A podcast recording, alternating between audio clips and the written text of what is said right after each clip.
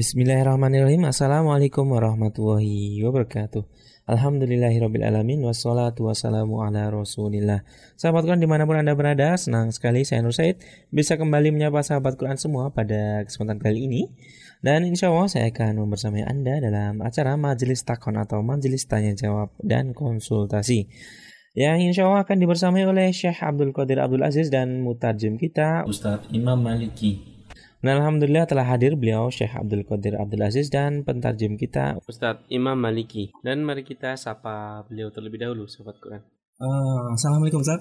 Waalaikumsalam warahmatullahi wabarakatuh. Bagaimana kabarnya Ustaz? Alhamdulillah khair. Uh, Assalamualaikum Syekh. Waalaikumsalam. Kaifa halnya Syekh? Alhamdulillah. Barakallahu Baiklah sahabat Quran langsung saja kita persilahkan kepada beliau untuk uh, memulai ya mengupas pertanyaan yang menjadi topik kita pada kesempatan kali ini. Tafadhol Ustaz. Assalamualaikum warahmatullahi wabarakatuh. Ikhwani fi din rahimani wa rahimakumullah para pendengar sekalian yang dimuliakan Allah Subhanahu wa taala. Alhamdulillah pada kesempatan uh, hari ini kita lanjutkan kembali sesi tanya jawab bersama beliau Syekh Islam Abdul Qadir Baik, uh, untuk mempersingkat waktu kami persilahkan kepada beliau untuk melanjutkan pertanyaan sebelumnya. Assalamualaikum warahmatullahi wabarakatuh. Waalaikumsalam. الحمد لله رب العالمين والصلاة والسلام على أشرف الخلق وأطهرهم وأزكاهم محمد بن عبد الله صلى الله عليه وسلم الرحمة المهداة والنعمة المسداة والسراج المنير البشير النذير اللهم احينا على سنته وامتنا على ملته وارزقنا شفاعته وارفقنا صحبته في الفردوس الأعلى ومتعنا بلذة النظر إلى وجهك الكريم. اللهم آمين يا رب العالمين. اللهم سلمني وسلم مني اللهم سلمني وسلم مني اللهم سلمني وسلم مني. أما بعد. فقد تكلمنا بالأمس في عقوبة الساحر وتكلمنا عن المذهب الأول وهو مذهب الجمهور من الصحابة والتابعين وفقهاء الأمصار وذكرنا مذهب الإمام أبو حنيفة والإمام مالك والإمام أحمد في هذه المسألة وهو أن الساحر سواء كان سحره كبيرا أو قليلا أو سواء كان سحره كبيرا أو صغيرا أو كثيرا أو قليلا أو عظيما أو حقيرا فإنه يقتل بسحره. إذا ظهر أمره للناس لأنه قد ارتكب جريمتين. الجريمة الأولى هي الشرك بالله سبحانه وتعالى والجريمة الثانية هي الإفساد في الأرض.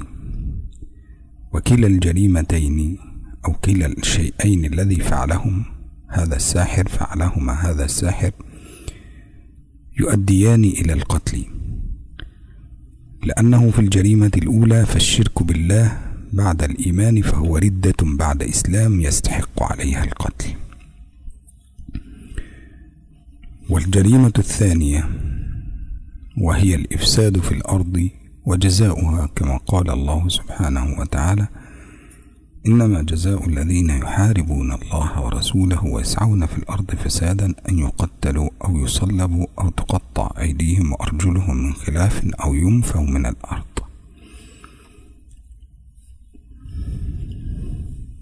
Uh, taib, uh, ikhwani fidin rahimani wa rahimakumullah uh, kemarin kita membahas tentang uh, fi uqubatis sahir ya uh, hukuman atau imbalan atau balasan kepada para pelaku sihir.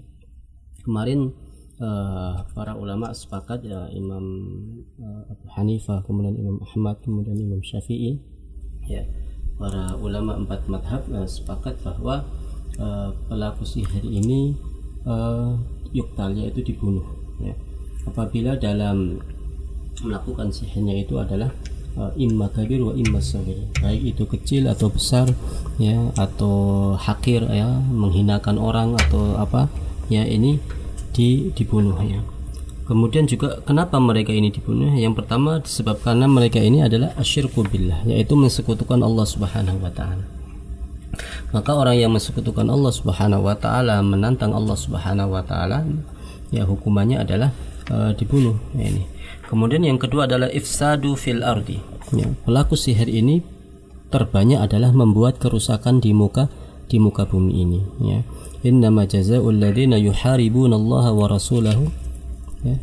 sesungguhnya balasan bagi orang-orang yang uh, mengadakan peperangan dengan Allah dan Rasulnya maka balasan mereka adalah uh, yuktal ya yaitu di, dibunuh وذكرنا الأدلة الخاصة بهذا المذهب وانتقلنا إلى المذهب الثاني وهو مذهب الإمام الشافعي وابن المنذر وكذلك الإمام ابن حزم الظاهري ورواية في مذهب الإمام أحمد. وهذا المذهب قال لنا أن الساحر عندنا له ثلاثة حالات ثلاثة أحوال.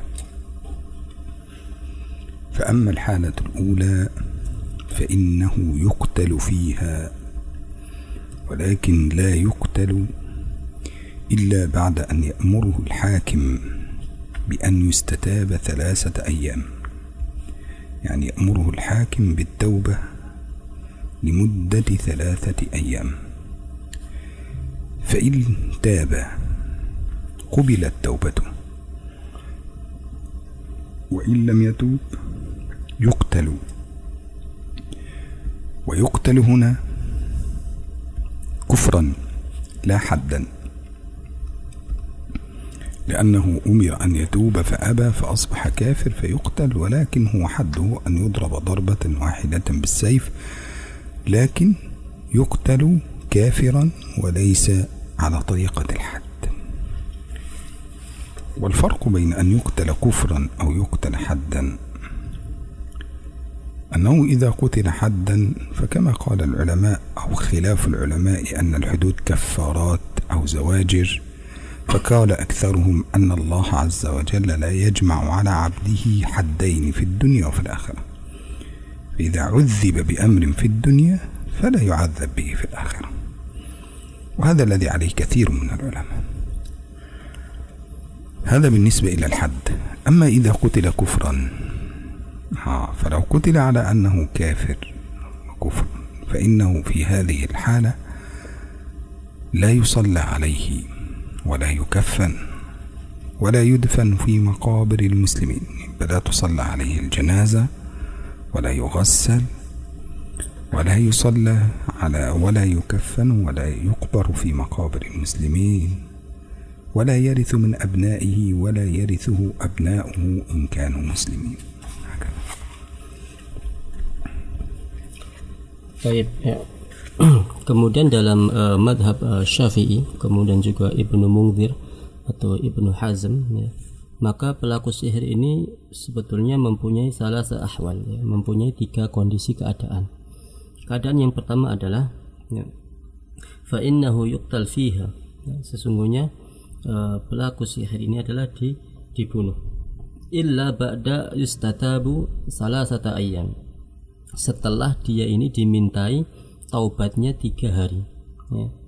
fa intaba kubilat apabila dalam tiga hari itu dikasih kesempatan maka dia bertobat maka dilepas dia ya. Wa illa yuktal. Apabila ia tidak maka dia ini di, dibunuh ya. Dipenggal uh, lehernya ya. Karena apa? Nah, ini ada yang menyebutkan bahwa yuktal haddan atau yuktal kufran ya. Dibunuh secara kufron ya secara kufur artinya kalau dia dibunuh secara kufur berarti dia setelah dibunuh tidak boleh disolatkan. Kemudian juga tidak boleh dikuburkan di pemakaman muslim. Juga tidak boleh apa namanya mewarisi keluarganya yang yang muslim yang iman ini. Tapi kalau dia itu di, apa namanya dibunuh karena haddan karena memang hukum Allah seperti itu eh, batasannya adalah maka dia ini tetap disolatkan. Ya. setelah dia bertobat ya kemudian dia terkena kisos kemudian uh, tetap disolatkan. وهذه الحالة إن كان يأتي في سحره بالأشياء الشركية التي تؤدي إلى الشرك بالله سبحانه وتعالى. كأن يذبح لغير الله سبحانه وتعالى أو يكتب القرآن كما قلنا قبل ذلك أن يكتبه والعياذ بالله بدم الحيض. أو أن يفعل الأشياء التي أو أن يصلي إلى غير القبلة أو أن يلبس المصحف في رجله. هذه الأشياء كلها التي فيها إهانة لكتاب الله سبحانه وتعالى أو فيها إهانة لكلام الله سبحانه وتعالى أو فيها أشياء تؤدي إلى الشرك فإنه في هذه الحالة يقتل بعد أن يستتاب ثلاثة أيام ويكون ذلك القتل في حكم الإمام الشافعي ومن معه أن يكون كافرا maka tukang sihir ini setelah dimintai disuruh untuk bertaubat setelah tiga hari ya maka dia ini dibunuh kenapa karena ada sebagian tukang sihir itu betul-betul uh, di dalam perbuatannya itu uh, meng, apa namanya merendahkan hak Allah Subhanahu wa taala bahkan musyrik kepada Allah Subhanahu wa taala. Salah satu contohnya adalah uh, mereka menginjak Al-Qur'an ketika buang air besar ya. Kemudian juga ada yaktub uh, bidamil haid ya. Yaktubul Quran bidamil haid. Jadi menulis Al-Quran dengan darah haid atau bahkan menulis Quran dari belakang diputar. Ini adalah bentuk ihana bentuk penghinaan ya bentuk penghinaan dari orang tersebut. Maka hukumannya uh, mereka ini diminta taubat kemudian di, dibunuh. الحالة الثانية وهي أن يقتل فيها أيضا. ولكن يختلف القتل هنا عن القتل هناك عن الأولى. لماذا؟ لأن في الأولى يقتل بردته يقتل بالردة أو بالشرك بالله سبحانه وتعالى وهذا عقوبته القتل. لكن في الحالة الثانية هو أن يفعل سحرا يقتل به إنسانا. فإذا فعل سحر يؤدي إلى قتل الإنسان فإنه في هذه الحالة يحكم عليه بالقتل قصاصا لأنه الآن قد قتل إنسانا قتل نفسا. سواء كان ذلك لأن القتل إما أن يكون بطريق مباشر أو بطريق غير مباشر. فإن كان بطريق مباشر أو غير مباشر وفعل له سحرا قد أدى هذا السحر إلى قتله. فإنه يقتل به قصاصا. وذلك لقول الله سبحانه وتعالى ولكم في القصاص حياة يا أولي الألباب لعلكم تفلحون. القصاص حياة ولكم في القصاص حياة يا أولي الألباب لعلكم تفلحون Kemudian yang kedua adalah eh, sama ya, tapi ada sedikit perbedaan ya. Ayuk tal. Juga pelaku sihir ini juga dibunuh. Kan tapi ada perbedaan yakhtalif ya. Dia dibunuh karena kisos. Ya. Jadi mungkin tukang sihir ini membunuh orang yang disihirnya. Maka hukumannya dia itu dikisos ya. Sebagaimana Allah Subhanahu wa taala menyebutkan walakum fil qisas hayatu ya ulil albab ya. sesungguhnya di dalam kisos itu justru ada kehidupan wahai orang-orang yang yang berakal kenapa kok di situ ada kehidupan karena kalau dia itu tidak dikisos ya maka justru akan muncul kebencian dari pihak keluarga yang terbunuh maka ketika orang ini dibunuh ya maka selesai ya. artinya eh, sama-sama ridho sama-sama rela ya. Maka disitulah uh, tukang sihir ini ya dikisos. لكن هذه الحالة لا يتم فيها القصاص إلا بالإقرار يعني لا يأتي واحد يقول هذا الساحر فعل هذا الأمر وقتل نفسا فخلاص نصدقه ونقتل لا طبعا إلا لا يتم هذا الأمر إلا بالإقرار والاعتراف من الساحر بنفسه كأن يعترف في وسط مجموعة الاعتراف له طرق كثيرة كأن يجلس مثلا في وسط مجموعة من الناس حتى ولو كان ذلك على سبيل الهزل والضحك. فإن كان ذلك حتى ولو كان على سبيل الهزل والضحك فإن جلس في وسط جماعة وقال لقد سحرت فلانا حتى قتلته واعترف بذلك أمام مجموعة من الناس فإن ذلك الأمر يعد منه إقرارا إن شهدوا عليه بذلك وإن هو شهد بذلك. فإن جاء وقت إقامة القصاص وقال أنا قد كنت أضحك ولا ولا أنوي بذلك ولم أقصد بذلك أو بهذا الكلام أني فعلت ذلك حقا ولكن كان ذلك على سبيل المزاح فلا يقبل منه. كذلك يمكن أن يكون الاعتراف أمام القاضي. كذلك يمكن أن يكون الاعتراف في خلوة بينه وبين زوجته ثم أخرجت زوجته الأمر إلى الناس بأنه قد فعل سحرا إلى فلان فقتله. هكذا. كل هذه الأشياء تعد إقرارا. ولا وقد يكون هذا الإقرار أو الاعتراف كتابة. فيكتب أنه آه عن طريق الكتابة فمثلا وجدنا ورقة بخط يده مكتوب فيها أنه قد فعل كذا وقتل فلانا. فإذا وجدنا كل هذه الأشياء فإن هذا يعد منه إقرارا. ولا يتم القتل إلا بإقرار الساحر بأنه قد قتل. فإن أقر بأنه قد قتل فقد فإنه يقتل هنا قصاصا ولا يستتاب. لا. هذا الثاني نحن قلنا أن الثاني يقتل قصاصا ولكن القتل قصاصا لا يتم إلا بالإقرار أن يقر الساحر أنه قد قتل نفسا بسبب سحره Kondisi yang kedua masih pembahasan kondisi yang kedua bahwa uh, ketika seseorang itu di kisos ya, ayat uh, kisos ya, secara kisos itu harus ada ikrar wa iktiraf jadi pengakuan ya ikrar sama ucapan atau pengakuan dari si tukang sihir itu sendiri. Bahwa dia telah melakukan seperti ini seperti ini seperti ini. Ya. maka orang seperti ini tidak dimintai taubatnya. Ya. saya contohnya sudah membunuh ini membunuh dengan sihir ya. Maka itu adalah pengakuan. Meskipun nanti ketika di persidangan dia mengatakan kemarin saya bercanda tidak seperti itu. Ya. maka persaksian yang seperti itu batal tetap dia dilakukan had kisos karena apa? Karena dalam hal seperti ini ya hukum seperti ini tidak boleh seseorang itu ber, bercanda karena seseorang akan dihukumi secara secara dohirnya. طيب أما الحالة الثالثة هذه الحالة يعذر فيها ويكون التعذير فيها عبارة عن التأديب من الحاكم. فيؤدبه الحاكم بأن يحبسه أو يضربه حتى يعود عن الأمر الذي يفعله أو ويطمئن الحاكم لهذا الأمر. فإن راجع عما يفعل تركه الحاكم وإن لم يرجع ظل يؤدبه حتى يرجع. Taib. Kemudian yang ketiga adalah uh, dia ini ditakzir. Ditakzir itu dikasih hukuman ya supaya jerah ya.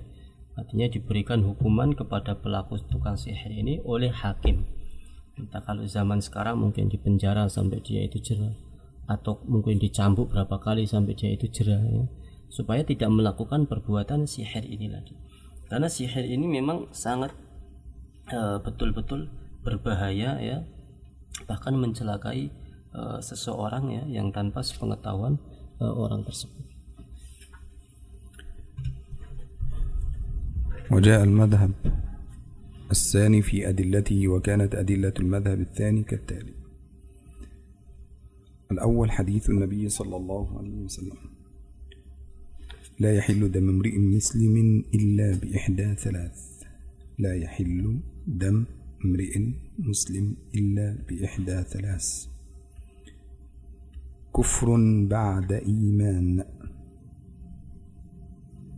وزنا بعد إحصان. وقتل النفس بغير النفس. أو في رواية وقتل النفس بغير حق. وقد جاء في حديث النبي صلى الله عليه وسلم لا يحل دم امرئ مسلم إلا بإحدى ثلاث. كفر بعد إيمان. وزنا بعد إحصان. وقتل النفس بغير النفس أو في رواية وقتل النفس بغير حق. وقد ذكر هذا الحديث الحالة الأولى والثانية. في الحالة الأولى أنه يقتل بعد أن يستتاب لأنه شرك والشرك كفر. وهذا قد كفر بعد إيمان.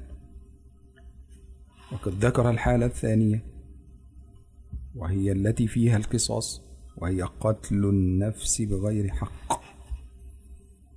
إذا قتل النفس بغير حق أو قتل النفس بغير النفس فإنه في هذه الحالة قد توجب القصاص ووجب على المسلمين أن يقتصوا منه. ولذلك قد قال الله سبحانه وتعالى وكتبنا عليهم فيها أن النفس بالنفس العين بالعين والأنف بالأنف والأذن بالأذن والسن بالسن والجروح قصاص ya. Kemudian uh, madhab yang kedua ini juga menerangkan tentang uh, sebuah hadis Rasulullah Shallallahu Alaihi Wasallam yang disebutkan bahwa la yahillu damu imri'in muslim damin damin damin imri'in muslim illa bi ihda thalas. Jadi tidak halal menumpahkan darah seorang muslim kecuali dalam tiga kondisi ya.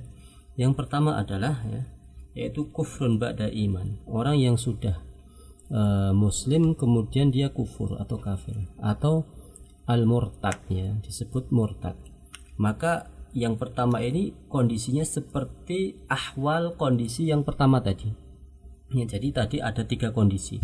Ya kufrun ba'da iman ini seperti kondisi orang yang pertama ya. Fa innahu yuktal fiha illa ba'da yustatab ya. Maka dia itu dibunuh setelah dimintai taubatnya tiga hari. Bertaubat atau tidak maka orang ini tetap di, dibunuh kemudian yang kedua adalah zina ba'da ihsan. Orang yang sudah menikah melakukan perbuatan zina. Kemudian yang ketiga adalah yuktal ya. An nafsu bi ghairi haqqin seseorang yang membunuh orang lain tanpa hak yang benar tanpa hak yang jelas. Contoh bukan karena terjadi perang antara uh, peperangan gitu ya.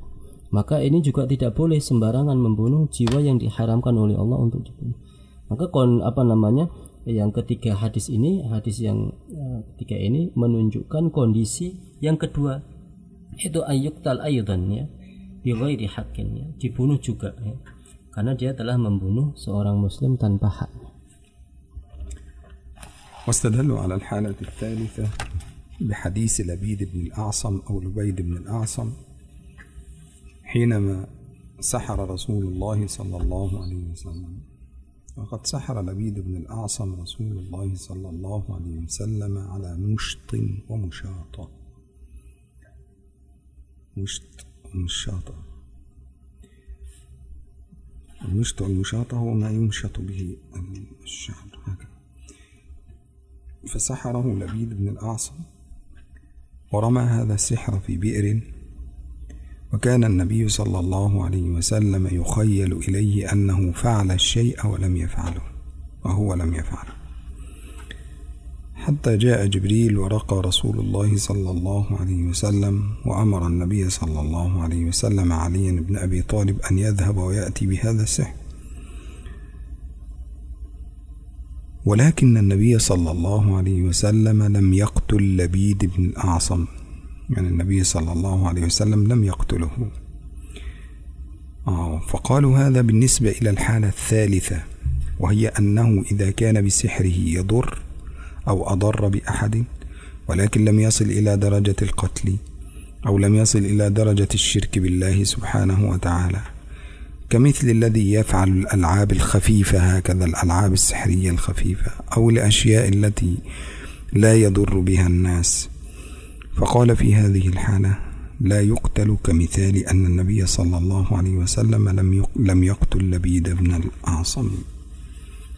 Maka uh, yang ketiga ini di posisi ahwal atalas ya. Kondisi yang ketiga itu ikrar wa i'tiraf. Tapi ini tidak dibunuh tidak di cuma dimintai taubatnya. Sebagaimana ketika Rasulullah Shallallahu Alaihi Wasallam disihir oleh salah seorang yaitu Ibnul Asom Asim. Lubaid ibn Asom uh, Lubaid ibnul As Asom ya di, disihir oleh uh, orang ini kemudian membuat apa namanya rambut ya yang diukelkan atau digulung gitu di tempat uh, apa namanya uh, jungkat ya apa namanya tempat sisir gitu kemudian dimasukkan ke dalam uh, sumur. Kemudian Rasulullah Shallallahu Alaihi Wasallam seolah-olah ya takhayyal ya jadi uh, berkhayal ya sesuatu yang dia tidak ketahui. Uh, maka ketika itu uh, beliau menyuruh Ali bin Abi Thalib untuk mengambil apa namanya mengambil minsyat tadi ya alat sisir yang dimasukkan ke dalam sumur tadi dan pada waktu itu Rasulullah tidak membunuh apa namanya uh, Ibnul Asam ini وكذلك استدلوا أن عائشة رضي الله عنها كان عندها جارية وهذه الجارية كانت مدبرة يعني مكاتبة يعني الجارية كتبت آه، على أنها تعمل مثلا أكثر من شهر أو شهرين أو ثلاثة ثم بعد ذلك تعتق. فكانت مدبرة أو كانت مكاتبة هذه الجارية وسحرت هذه الجارية لعائشة رضي الله عنها ولكن عائشة لم تقتلها فباعتها عائشة. يعني السيدة عائشة باعتها. ولو كان قتلها واجبا لقتلتها عائشة قبل أن تبيعها. Maka juga dalam hadis yang lain ketika Aisyah ini punya jariah budak ya perempuan gitu ya itu menulis sesuatu gitu ditulis apa kemudian digunakan untuk menyihir ya. maka ketika itu ketahuan oleh Aisyah ya tetapi Rasulullah dan Aisyah tidak uh, apa namanya tidak membunuh orang tersebut kemudian Aisyah menjual uh, budak tersebut وكذلك كتب إلى عمر بن عبد العزيز أن هناك رجلا قد سحر المرأة فأصبحت المرأة تمشي وراءه في الأسواق. يعني كان رجل يمشي في السوق المرأة تتبعه. كلما ذهب إلى مكان حتى ولو دخل المسجد المرأة تتبعه. فقد سحر إلى امرأة أن عبدا قد سحر إلى جارية فأخذت تتبعه في الأسواق. فكتب عمر بن الخطاب إلى آه، محمد بن عمران. فكتب محمد بن عمران إليهم. أن فرقوا بينهما فاجعلوا كل واحد في بلدة مختلفة. ففرقوا بينهما فجعلوا الساحر في مكان والمرأة في مكان آخر. ولو كان هذا الأمر يستحق القتل لقتلهما عمر بن عبد العزيز وقاضيه. هذا مع زوجته زوجه لا ليست زوجته. هو عبد وهي أمة فكان يحبها فحتى تحبه كثيرا. hatta يجعلها tuhibbu fasahara فسحر لها bil mahabbah يعني Kemudian juga pernah terjadi pada zaman sahabat ya. Ada seorang budak perempuan, kemudian juga ada seorang budak laki-laki. Nah, kedua budak ini saling apa namanya? Uh, saling mencintai gitu, saling mencintai sampai ingin menikahinya mungkin. Seperti itu. Kemudian uh, orang ini memisahkannya ya. Yang satunya disuruh pergi ke barat satunya suruh pergi ke timur ya. Artinya tidak dipertemukan lagi ya. kemudian uh, dalam hal ini juga uh, Rasulullah diam ya. Umar bin Khattab diam ya. Andai kan itu waktu itu mungkin apa namanya uh, disuruh untuk membunuh maka tidak dilakukan oleh uh, Umar bin Khattab ya. Artinya uh, ada beberapa tingkatan martabat tukang sihir itu yang betul-betul dia harus uh, kisos dia harus kotel atau dia diminta taubatnya atau dia bahkan dibebaskan kemudian dikasih nasihat. وبالتالي فإن هذا الساحر قد أصبح في مذهب الإمام الشافعي في الحالة الثالثة هو رجل فاسق. فصلاة الفاسق جائزة الذي كان يسأل عن صلاة الساحر هذا. فصلاة الفاسق جائزة ولكن مع الكراهة. أما أمر قبولها فهو لله سبحانه وتعالى. فلا يعلم بمسألة القبول سواء كان للمؤمن أو لغير المؤمن أو للفاسق أو لغيره لا يعلم بقبول الأمر إلا الله سبحانه وتعالى فإن قبول العبادات بيد الله وهو الذي يملكها. أما على مذهب الجمهور فلا يجوز الصلاة خلفه.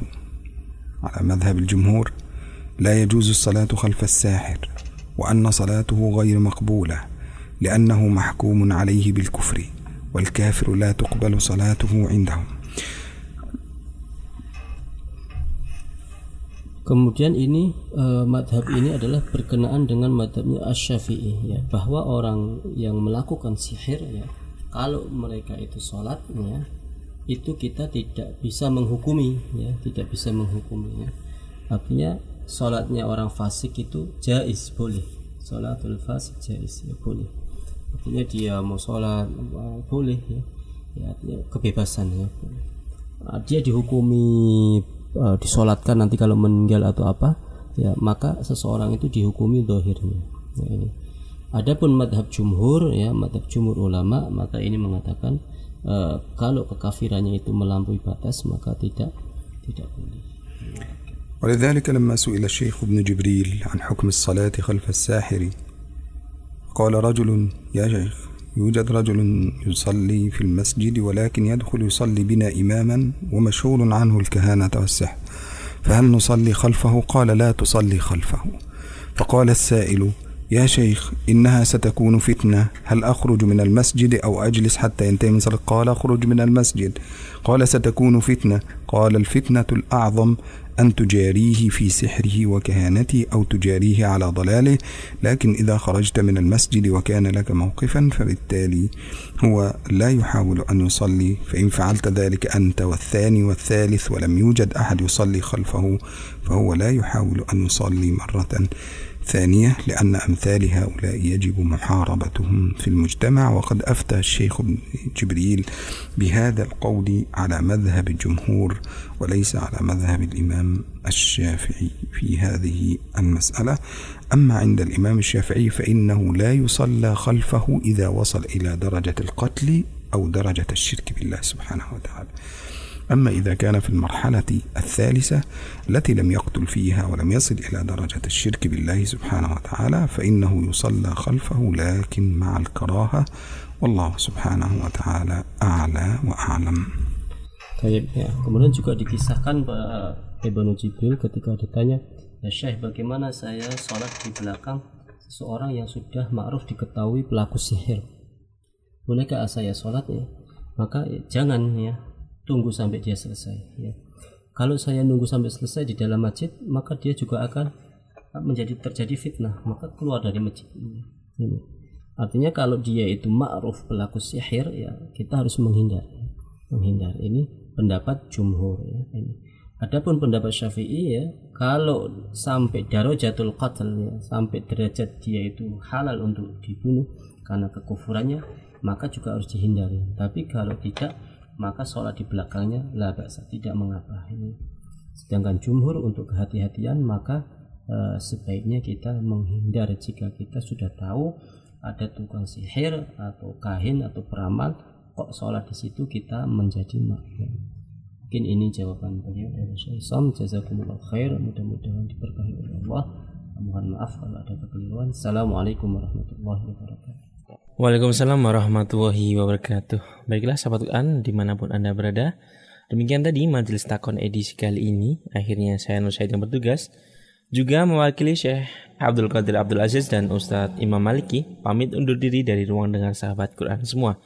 Tetap saya tune bersama kami di 99.9 FM Radio Iskarima, sahabat Anda belajar Al-Quran.